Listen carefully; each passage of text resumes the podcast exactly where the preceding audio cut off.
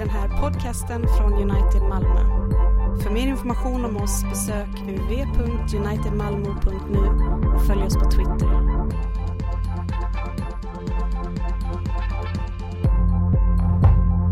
Välkomna! Vi fortsätter att bygga vidare på det som vi talade om i session två och vi talar om att upprätta ordets förkunnelse. Om detta måste vi berätta, annars så förvrängs det, förnekas det och så försvinner det. Och vad är det då?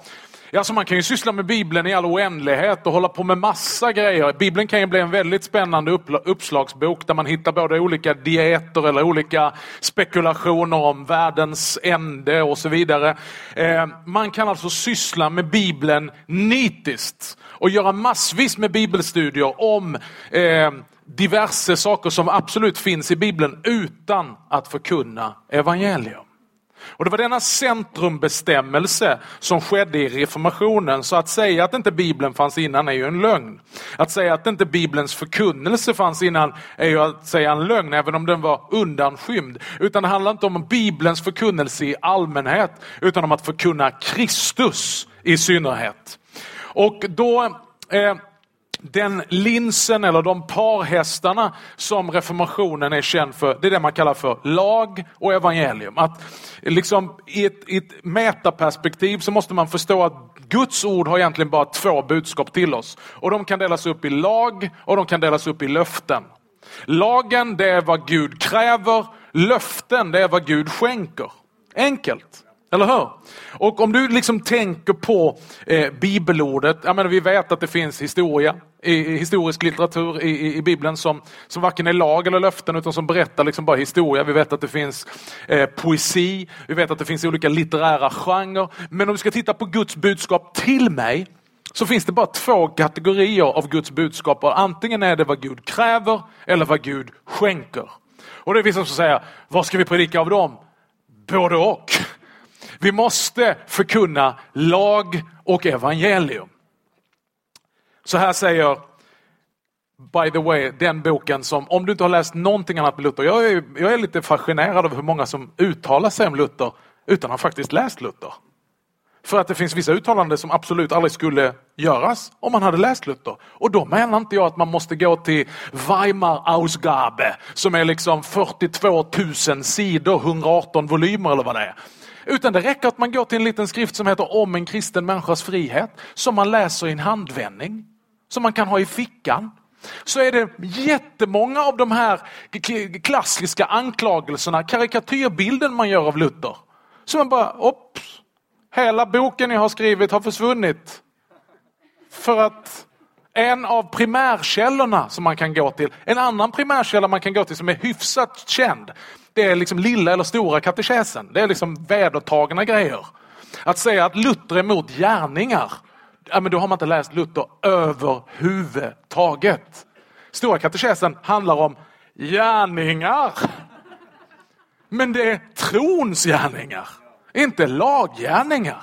Inte gärningar som jag försöker göra för att bli rättfärdig. Och då måste man förstå det här, annars förstår man inte Luther, om lag och evangelium.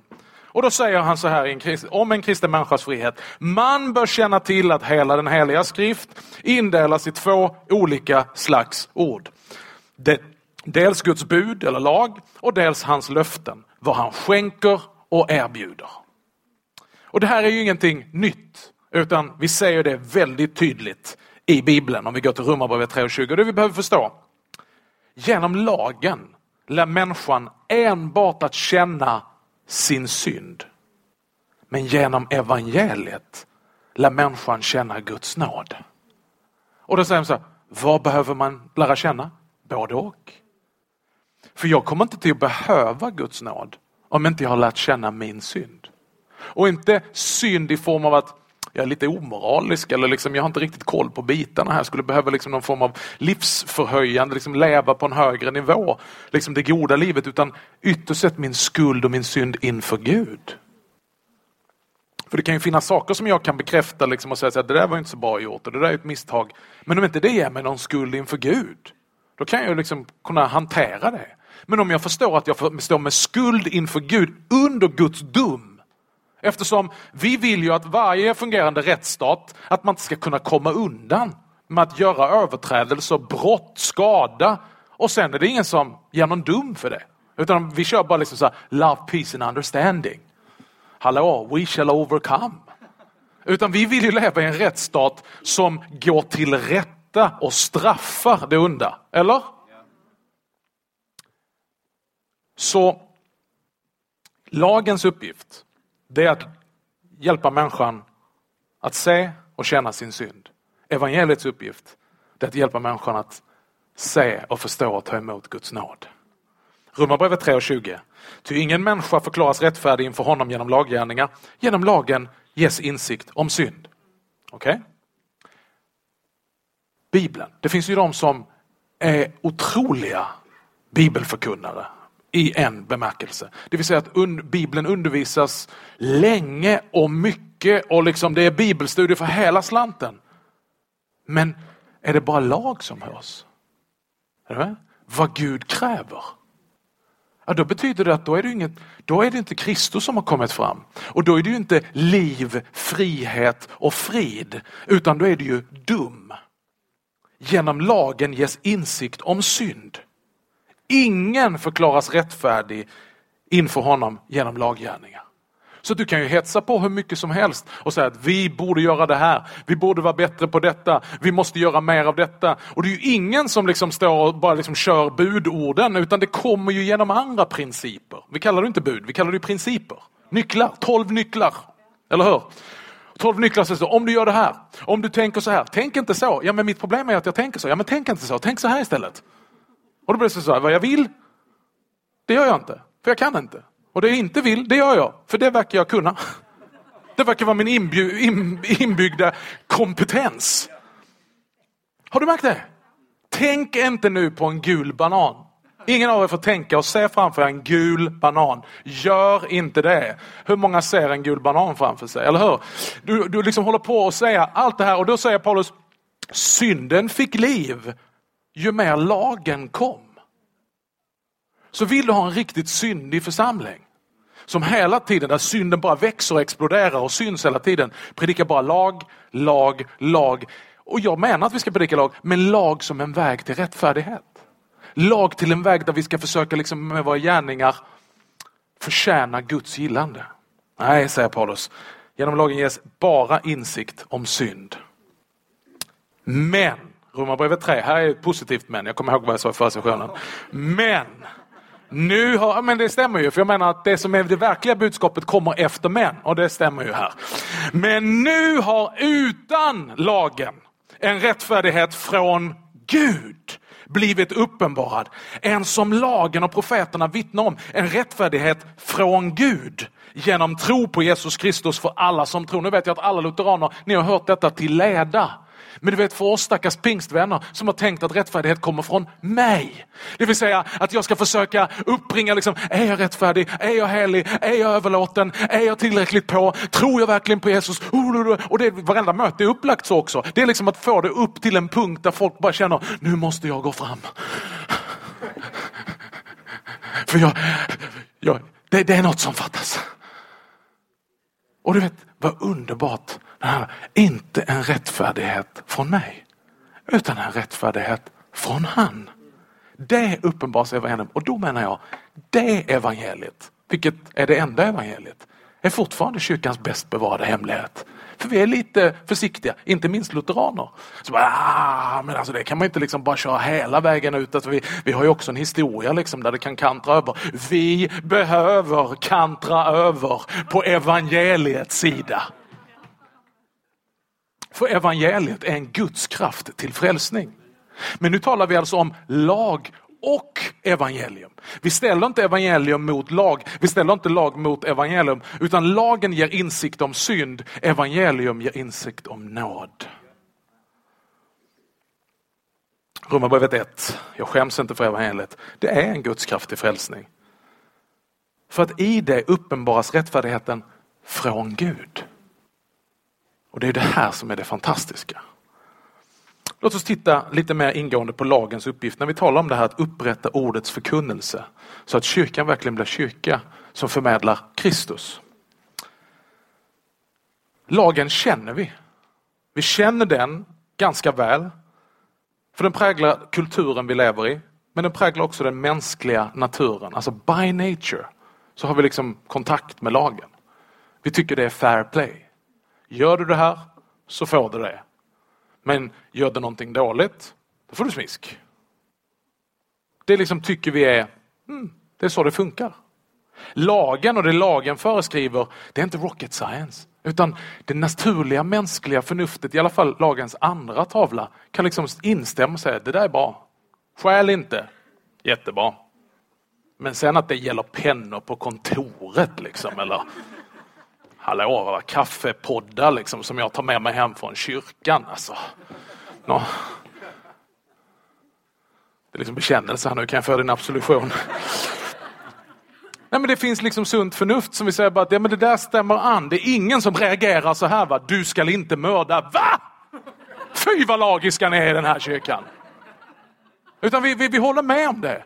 Därför så känner vi oss också skyldiga när vår blick dröjer lite för mycket kvar vid en kvinna som inte är vår egen kvinna. Och liksom, då visar det sig att vår egen kvinna sitter med oss i bilen och så, så tittar hon på oss och säger, vad tittar du på? Och så, så va? Vadå? Jag tittar inte på någonting. Det var bara, var, varför är det det där? För att jag vet av naturen att det där är liksom bara, nej det, det, det där är inte rätt. Det blir väldigt tyst här inne nu, ska jag bara säga det. Så att naturen säger ja till lagen. Men lagen är inte bara den andra tavlan, utan lagen är också den första tavlan. Och det är den vi kan förakta. Du ska inga andra gudar hava jämte mig. Hör Israel, jag Herren är din Gud och enbart jag. Jag är den som har befriat dig från Egypten. Och du ska inte ha några andra gudar jämte mig. det där är inte naturen för oss. Utan det där gör vi uppror mot. Och det är så att det blir ingen andra tavla, alltså att vi håller den förrän vi har fått tag i det som den första tavlan, alltså den första tavlans bud. För att när inte Gud är min enda Gud, då kommer någonting annat att bli min Gud. Och då kommer jag till att ljuga, stjäla, bedra och begära. För att det är bara Gud som kan ge mig tillfredsställelse så att jag får säga Gud, du är min Gud. Tidigt söker jag dig. Men om status är min Gud, om framgång är min Gud, om pengar, ära, makt är min Gud, ja men det säger sig självt jag kommer att bryta varenda bud. Jag kommer snart också till att mörda. Om jag inte mördar i handling så kommer jag att mörda i tanken. Jag kommer till att mörda med mina ord. Och därför så, så, när Jesus kommer så skärper han lagen. Han gör inte av med lagen utan han slår in dödsstöten av lagen. Han säger så här, ni har hört att det blev sagt, du ska inte mörda. Jag säger er att var och en som säger du är dum i huvudet, han har gjort sig skyldig till att bryta det budet. Va? Ni har hört det bli sagt, du ska inte bryta äktenskap. Jag säger, den som ser på en annan kvinna än sin egen med begär i sitt hjärta, han har blivit, ja men gud, det här kommer ju inte, ah, bingo, du har fattat mitt budskap. Var fullkomliga, så som jag är fullkomlig. Slut. Ja men då är det kört. Ja men det är precis det Paulus säger. Genom laggärningar blir ju ingen människa rättfärdig. Genom laggärningar blir vi bara uppfyllda av vår egen synd. Så nu står vi här dömda av synden. Lagen har gjort sitt budskap, lagen har gjort sitt jobb, fått fram sitt budskap. Tack så mycket, sitt ner, nästa vittne. Evangelium! Och vad är evangelium? Det här ska vi koncentrera oss på den här sessionen. Hur vi förkunnar evangelium. Första Korinthierbrevet 1 vers 22 och 23. Judarna begär tecken, grekerna söker visdom, men vi predikar. Amen. Och vi predikar Kristus som korsfäst. Vi behöver ta tillbaks detta, att vi blir predikanter. Du vet, i reformationen så var man inte VD, man var VDM som pastor. Som pastor har jag ibland funkat mer som en VD än en VDM. VD det är verkställande direktör, men VDM det var det som kännetecknade och titeln på reformationens präster och församlingsbyggare. Verbi Domini Minister. Alltså det gudomliga ordets tjänare. Man var en predikantväckelse. Det finaste man kunde göra det var att predika. Men du vet, vi lever i en tid där det är lite så här, pappa don't preach, Ja, det var jag som växte upp på, med Madonna på 80-talet. Men, eh, men, eh, men, men vi har liksom fortfarande ah, men don't preach to me, ah, men kom igen. Och vi har liksom sådana slogans som, som, som smyger sig in. Va? Att eh, Ge evangeliet till hela världen och använd ord om du måste. Ja, jag är så trött på allt kyrkan säger. Kyrkan behöver liksom börja göra allt det de säger. Och så är det bara så att ja, det finns ju en sanning med modifikation i det, men faktum är vad vi sysslar med det är snacka. Det är det vi gör. Vi predikar. För det är bara så här att säga vi ska ge evangeliet till hela världen och vi ska använda ord om vi måste. Det är ungefär som att säga vi ska ge mat till hela världen och vi ska använda mat om vi måste. Det blir lite sådär... Alltså, alltså, evangelium är ju ord. Du kan inte göra evangelium. Det finns inget att göra. Evangelium är någonting som redan är gjort. Och det är inte någonting du ska göra utan det är någonting Kristus har gjort. Och därför så ska det annonseras, det ska predikas, det ska proklameras. Det ska inte ställas som en fråga utan det ska läggas fram som någonting som redan är gjort och räcks dig och säga förkasta det eller ta emot det. Det förändrar ingenting. Evangelium är en annonsering om vad som har skett. Det är ungefär som att ringa upp fröken Ur och det var en gammal bild. Var kom den ifrån? Är det någon som har gjort det den senaste? Men du vet när du ringer, så det, det, det, det liksom, det, bara, bara, bara, så, vad var det, 90 510 va? Ja, det sitter kvar. Det, det är liksom bara proklamation hela tiden. 14, 01, 10, beep. Alltså det är bara proklamation va? Alltså, skitdålig bild. Jättedålig bild alltså. Inga frågor, inga förklaringar, bara en annonsering. Och du vet, alltså, problemet är när vi börjar förklara för mycket. Så ska vi inte utlägga, jo, jo, jo, visst det finns någonting här i oss som verkligen vill hålla på att utlägga. För vi tror inte på den enkla, alltså det är en gåva som vi räcker. Kristus för dig. Och det här mötte Paulus på när han var hos grekerna som älskade det starka, det vältaliga, det kända. Du vet deras, alla deras grekiska människogudar och hjältehistorier. Vi är precis som dem. Vi har ju det på Netflix och vi har ju liksom våra kändisar och våra celebrities och vi vill se ut som dem, vi vill vara som dem och vi, liksom, vi söker tecken eller vi söker det spektakulära eller gärna visdom. Ja men det här, det här, var, det här var bra alltså. Fatta vad användbart. Allt det han sa det kan jag få användning av att göra hemma i vardagen. Det här är bra. Ja, det är säkert bra, men det är inte evangelium. Om det är någonting du kan ta med dig hem och göra i vardagen, då är det inte evangelium. Men det behöver inte vara dåligt för det. Alltså det, det är som att säga så här, liksom, du vet, gå regelbundet på toaletten, sköt din hygien och så vidare. Nej, det är inte evangelium, tyst! Nej. Nej, nej, nej, det är jättebra. Sunt förnuft, sånt som vi behöver, men det är inte evangelium. Är du med?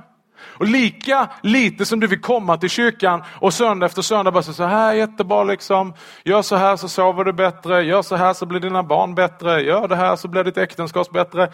Det kan vara jättebra, men det hör inte hemma här. Utan det här är platsen för evangelium. Där vi predikar, för då sitter ju folk och liksom det här är till tröst och uppmuntran och reformation för predikanterna här inne. Judarna begär tecken, du har också dem som vill ha tecken. De vill ha det här spektakulära, beviset på Guds närvaro. Någonting som bara wow, det senaste. Kolla liksom, nu faller det guld från himlen. Nu flyger predikanten. Nu darrar han. Nu vibrerar han. Nu gråter han. Nu skrattar han. Woo! Kan Gud göra sånt? Gud har skapat himmel och jord. Alltså, ingenting är ett problem för Gud. Men det största Gud har gjort, det är inte guldflimmer som kommer från himlen. Utan det är sonen som kommer från himlen och tar vår plats och går upp på ett kors och bär vår skuld och dör för vår synd och besegrar döden, Satan och helvetet. Det är det största. Det är evangelium. Så det finns alltid de som vill ha tecken, det finns de som har visdom. Men Paulus säger lite trots att, men vi predikar Kristus. Och honom som korsfäst. Inte Kristus och han som föredöme. Kristus som en guru. Kristus som ett bra ideal att följa. Kristus som bra värderingsprogram. Fina principer. Kristus som korsfäst. Bara för att inte någon ska tro att någon har missat det så upprepar han detta hela tiden. Redan i andra kapitlet. När jag kom till er bröder var det inte med stor vältalighet. Tänk nu liksom kontexten. Här är en kontext som bara premierar det som är vältaligt, det som är visdom, det som är speciellt, det som är starkt. Och så gör Paulus ett speciellt nummer av. När jag kom till er började var det inte med stor vältalighet eller hög visdom som jag predikade Guds hemlighet för er. Det betyder inte att evangelium inte är vist. Eller hur? Jag hade nämligen bestämt mig för att när jag var hos er inte veta av något annat än Jesus Kristus och honom som korsfäst. Det här är utmanande, eller hur? För det här måste vi säga, varför är detta så centralt för Paulus? Och varför är det så sekundärt för mig? Varför säger mitt hjärta, självklart tror jag på Jesus som korsfäst? Vi kan inte hålla på och predika det hela tiden. Eller hur? Erkänn, det är den tanken som kommer upp. Det är den tanken som, men vad då? Alltså, är det lösningen på allting? Vi kan inte bara säga liksom, ah, har du problem med det? Jesus som korsfäst. Har du problem med det? Jesus som korsfäst. Eller, jo, det kanske är det. För att om Gud ska rätta till allt som är fel med den här världen så missar han inte målet. Det blev liksom inte en sån här snedträff, den gick in men det var stolpe in liksom. Det finns mer att göra. Utan om Gud har löst hela det som är snett och det som är vinkt och det som är skevt med världen genom att Kristus för vår skull går upp på korset. Då är det lösningen på det och det och det och det. Om vi tror på evangelium. Kristus som korsfäst är alldeles centralt för att evangelium ska lyda. Och det är här reformationen är en centrumbestämmelse. Inte det att de förnekade Kristi korsfästelse, utan det var inte centralt. Och det handlar om att dra in det i centrum i varje reformation. För det är ju så att om Gud ska frälsa världen och ta bort vårt djupaste problem, då måste han ju göra någonting som motsvarar det problemet och som löser det, eller hur? Och om nu problemet är att lagen har övervisat oss om skuld, vi står med, med skuld inför Gud. Det i sin tur genererar Guds dom över våra liv och vi är faktiskt under Guds vrede. Alltså det största problemet vi har, det är inte vår synd, det är Guds vrede. Men det är inte Guds vrede att Gud är liksom någon sån här halvpsykopat. Så vad är han? Är han, är han kärleksfull eller, eller arg? Eller liksom, vad, vad, vad, vad håller han på med? Kan man lita på Gud? Nej men Gud, han är vår älskade skapare. Som är vred, inte som ett, inte som en egenskap, utan som en reaktion mot synden. Men det betyder inte att han tillintetgör dig, utan det betyder ju i kärlek drivs han att utge sin enda son för att avlägsna det som han är vred på. För att vinna dig tillbaka och skänka dig det. Det handlar inte om ett dysfunktionellt liksom, treenighetsliv där fadern sysslar med liksom, kosmisk barnmisshandel. Det finns så mycket fina ord man kan säga för att det ska låta så sunt och förnuftigt och vara politiskt korrekt och säga så nej, nej, nej, nej, glöm blodet, glöm offret och så vidare. Det är så man effektivt tar bort evangeliets kärna. Om man har gått bort ifrån ordet. För låt oss titta här. Vad är det egentligen evangeliet? Hur ställs det fram? Romarbrevet 5.8. Och Gud bevisar sin kärlek till oss genom att Kristus dog i vårt ställe. Ställföreträdande. En modern boxningssäck. Kommer alltid liksom, en gång varannat år så är det någon som ska slå på det. Nej, men vi kan inte hålla på och snacka om ställföreträdande. Ja, men vad betyder då i vårt ställe? Eller? För det är någonstans det som är problemet. Att om jag har problem och någon annan kommer och tar min plats. Det måste man väl kalla ställföreträdande i mitt ställe. Det är ju det som är evangeliets goda nyheter. Det är inte mitt blod som utgjuts, det är hans blod i mitt ställe. Vi hoppar till första Korinthierbrevet 15 och 3. Låt mig bara slå in den här bollen i mål innan vi ska avsluta. Reformationen handlar om att vi måste bestämma vad är det centrala i Guds budskap till oss. Vad är det centrala i Guds budskap till oss? Vad är evangeliets betoning och tilltal? Är det bara liksom, vad ska jag göra av mitt liv? Vad är meningen med livet? Hur kan jag bli en bättre människa? Eller är det, hur kan jag finna nåd i Gud? Är Luther on to something där? Eller ska vi begränsa det och säga så nej, det tänkte man bara på medeltiden med den världsbilden. Nu lever vi i en sekulär värld. Och nu tänker vi bara, hur kan jag bli lycklig? Ja, men om vi tar den och så går vi liksom, tittar vi vad som döljer sig där bakom. Så är det egentligen, med lycklig så menar vi en rättfärdig människa. Men nu är det inte bara rättfärdig i Guds ögon, utan nu är det rättfärdig i Facebooks ögon. Så har du tänkt på att precis som de kämpade i klostren på medeltiden, så kämpar vi varje dag på Facebook.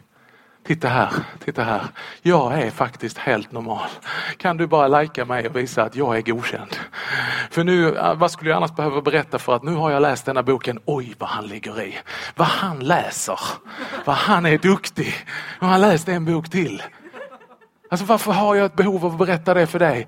Hela liksom världen måste säga detta så att världen kan säga till mig, bra Magnus, gärna en tumme upp, men tänk om man liksom så här plusmeny, så, så wow, vad du läser!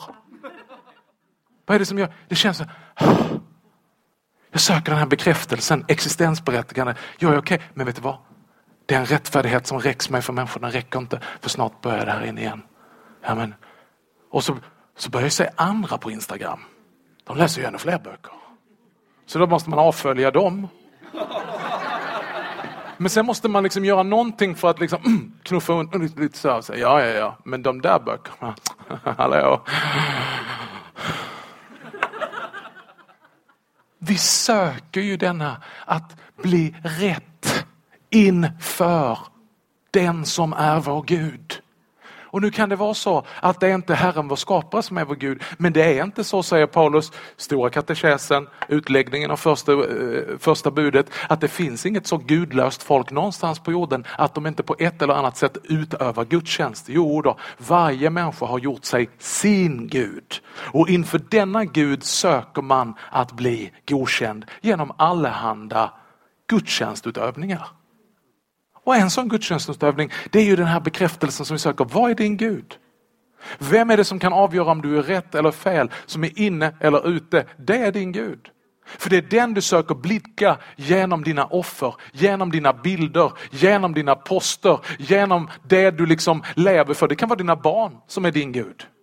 Och det kommer till vara den största undergången för dig den dagen dina barn inte förklarar dig rättfärdig som förälder utan säger du är en kass mamma.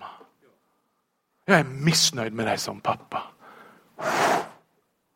Eller på andra hållet, när du har lagt ner hela ditt liv för att dina barn, om du har gjort någonting gott så är det i alla fall dina barn. Titta här, de har växt upp. Åh oh, vad duktiga de har blivit. Och det är ju inte liksom bara för att du är glad för barnen, naturligtvis är det. Men du är väldigt glad för dig själv också. För att det där visar ju att vilken bra förälder du har varit. Vilket gott föredöme. Tänk vad mycket tid du har lagt ner för dem. Och så har de blivit så här hyfsat halvnormala. Men vad händer om de inte blir alls halvnormala? Tänk om de blir helt urflippade? Tänk om det går åt helvete för dina barn? Då går det åt helvete för din rättfärdighet också. För att om det är din Gud så är det bara den guden som du tillber och som du bygger på som kan förklara dig rättfärdig. Därför är vi alla avgudadyrkare. Därför kan vi bara bli rättfärdiga inför han. Men hur vinner jag denna rättfärdighet? Jo, den räcks mig av nåd på grund av att en har ställt sig i mitt ställe. Första Korinthierbrevet 15 och 3. Jag meddelade er det allra viktigaste. Alltså, han är tydlig här. Vad jag själv har tagit emot, att Kristus dog för våra synder. Alltså det var inte någon annan synd. Han dog för våra synder i mitt ställe. Andra Korinthierbrevet 5, vers 18 till 21. Allt kommer från Gud det är Gud som har satt igång det här. Som har försonat oss med sig själv genom Kristus. Ty Gud var i Kristus och försonade världen med sig själv. Han tillräknade inte människorna deras överträdelser. Den som inte visste av synd, honom har Gud i vårt ställe, ursäkta det är inte jag som har skrivit de här texterna, det bara står så, i vårt ställe gjort till synd för att vi i honom skulle stå rättfärdiga inför Gud. Jag ska inte besvära dig med 23 andra bibelord. Men det, det är liksom detta som är evangelium. Kristus har uppfyllt lagen i mitt ställe för min skull. Kristus har dött på korset under mitt straff, i mitt ställe, för min skull. Detta är goda nyheter mina vänner. Jesaja 53 Kanske en av de mest klassiska beskrivningarna. Han var föraktad och övergiven av människor, en smärtornas man som var förtrogen med lidande. Men det var våra sjukdomar han bar, våra smärtor tog han på sig. Medan vi höll honom för att vara hemsökt, slagen av Gud och pinad. Han var genomborrad för våra överträdelsers skull. Slagen för våra missgärningars skull. Straffet var lagt på honom för att vi skulle få frid. Och genom hans sår är vi helade. Vem i hans släkte besinnar att när han rycktes bort ifrån de levandes land blev han plågad på grund av mitt folks överträdelse. Det var Herrens vilja att slå honom och låta honom lida. När du gör hans liv till ett skuldoffer och så skulle vi bara kunna fortsätta och fortsätta och fortsätta. Du vet när vi tar bort det ställföreträdande offret. Det finns andra motiv, absolut. Försoningen är rik. Det är liksom Kristus Viktor, han som segrar och besegrar ondska, mörker och helvete, som har vunnit striden för oss. Men om vi får bort det här perspektivet så får vi bort en unik liksom kärna av evangelium. Där faktiskt skulden som vi är medvetna om, som finns här, ibland odefinierat men som jagar oss, den kan bara tröstas genom att säga han stod för min skull. Hur skulle jag kunna bli rättfärdig inför Gud? Jag vet ju att jag inte är rättfärdig. Han uppfyllde lagen för min skull, i mitt ställe. Amen. Domen är utdelad. Guds vrede har slagit Kristus för min skull, i mitt ställe. Detta är evangelium. Om inte detta är evangelium, vad är då evangelium? Hur blir detta mitt då? För vi är överens om att det har skett på Golgata. Men det är långt till Golgata och det är länge sedan. Hur kommer det till mig? Hur förmedlas Kristi, Kristus och hans välgärningar till mig? Jo, genom förkunnelsen. Lyssna på vad Romarbrevet 10 säger. Ty var och en som åkallar Herrens namn ska bli frälst. Men hur ska de kunna åkalla den som inte har kommit till, de som inte har kommit till tro på? Och hur ska de kunna tro på den som de inte har hört om? Och hur ska de kunna höra om ingen predikar? Alltså kommer tron av predikan och predikan i kraft av Kristi ord. Folk säger, folk är trötta, folk, folk, folk tror inte på det här med liksom Jesus ställföreträdande död, om korset, om blodet alltihopa. Det, det, är liksom lite, det är lite för blodigt för oss bleka svenskar. Alltså kan man inte säga det på något annat sätt? Vet du för de tror det? Därför att ingen predikar det. Vi predikar det inte, därför tror de inte det. Det folk tror det är det vi predikar. Är du med? Tron, och det är liksom inte bara en sån här psykologisk pedagogisk grej. Om man säger en sak tillräckligt länge så tror folk på det. Utan det är det liksom, Guds ord är levande och verksamt. Som vi läste i Augustana, att för att vi ska få denna tro att Gud ska ge oss denna tro så har Gud inrättat evangelieförkunnelsens och sakramentförvaltningens ämbete. Så varför tror inte folk på Jesu offer för mig? Därför att vi inte predikar det. Därför behöver vi ta ett steg tillbaka och säga som Paulus, vi predikar Kristus och honom som korsfäst. Och det händer saker när vi gör det. Det händer saker just nu, det vet jag. Inte för att jag är en bra predikant, men för att jag predikar ett bra budskap. Det händer saker just nu i ditt hjärta. Just nu i ditt hjärta så skänks denna nåd, denna livsström, den rör vid dig just nu. För det finns liv i det här budskapet. Inte för att jag är yvig, inte för att jag tar i, utan för att det är liv i de här goda nyheterna.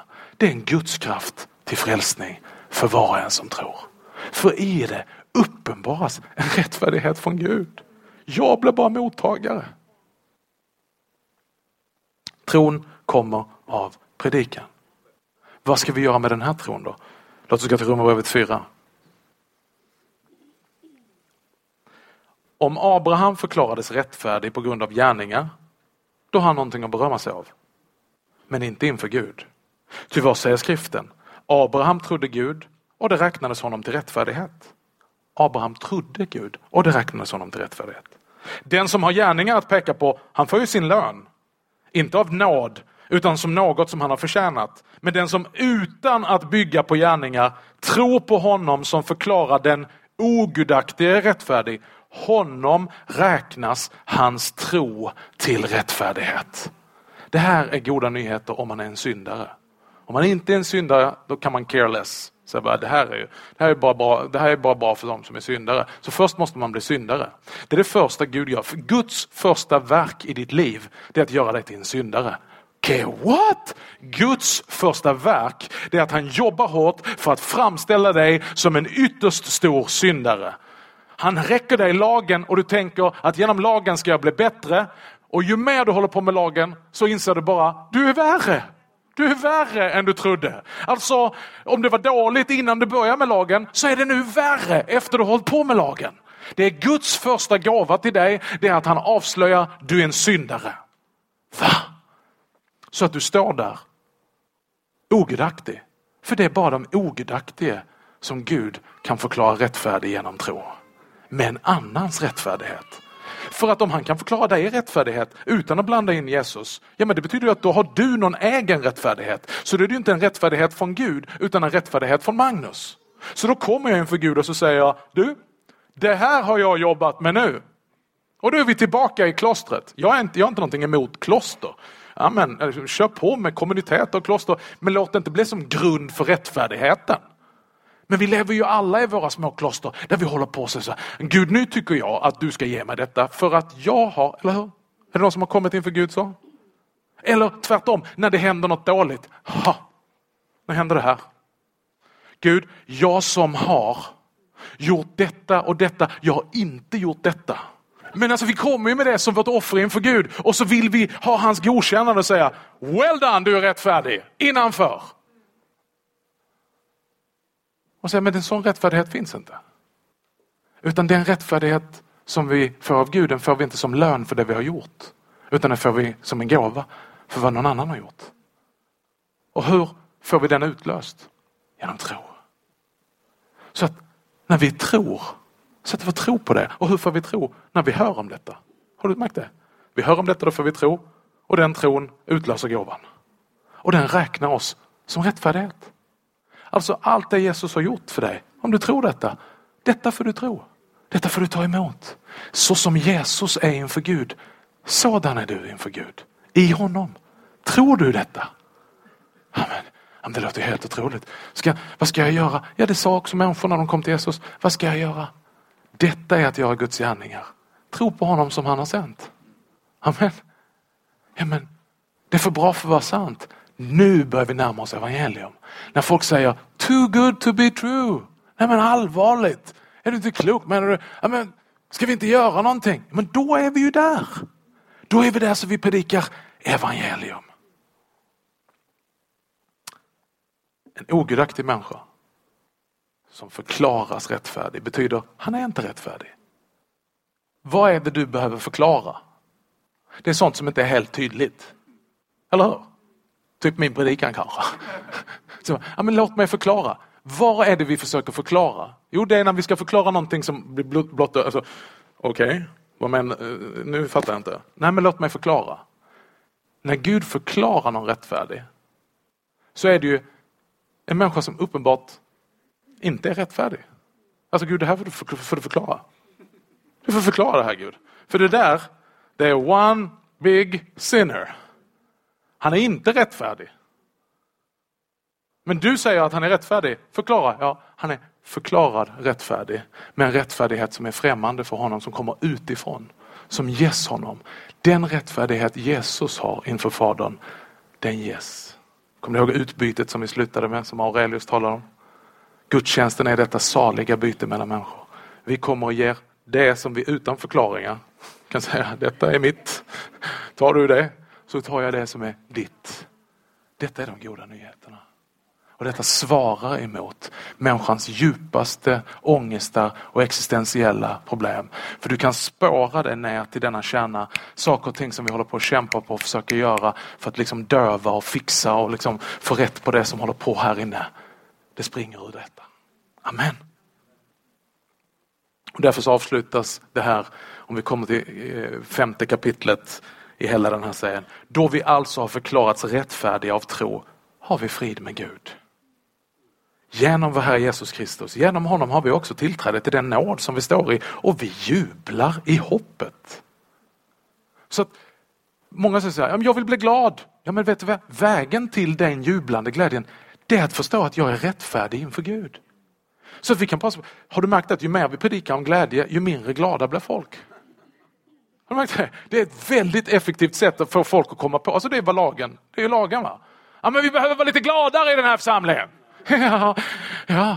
Oh, och så försöker vi så bara skit, det är ju jättejobbigt att vara glad hela tiden. Hur ska jag vara det? Ja, men jag kan visa dig jättemånga bibelord som står där. Till och med träden är så glada så de klappar i händerna. Kan inte du bara klappa i händerna lite? Va? Och liksom allt vad andra har, jubla! Ja, oh, vad trött. Alltså allt blir jobbigt. Har du märkt det?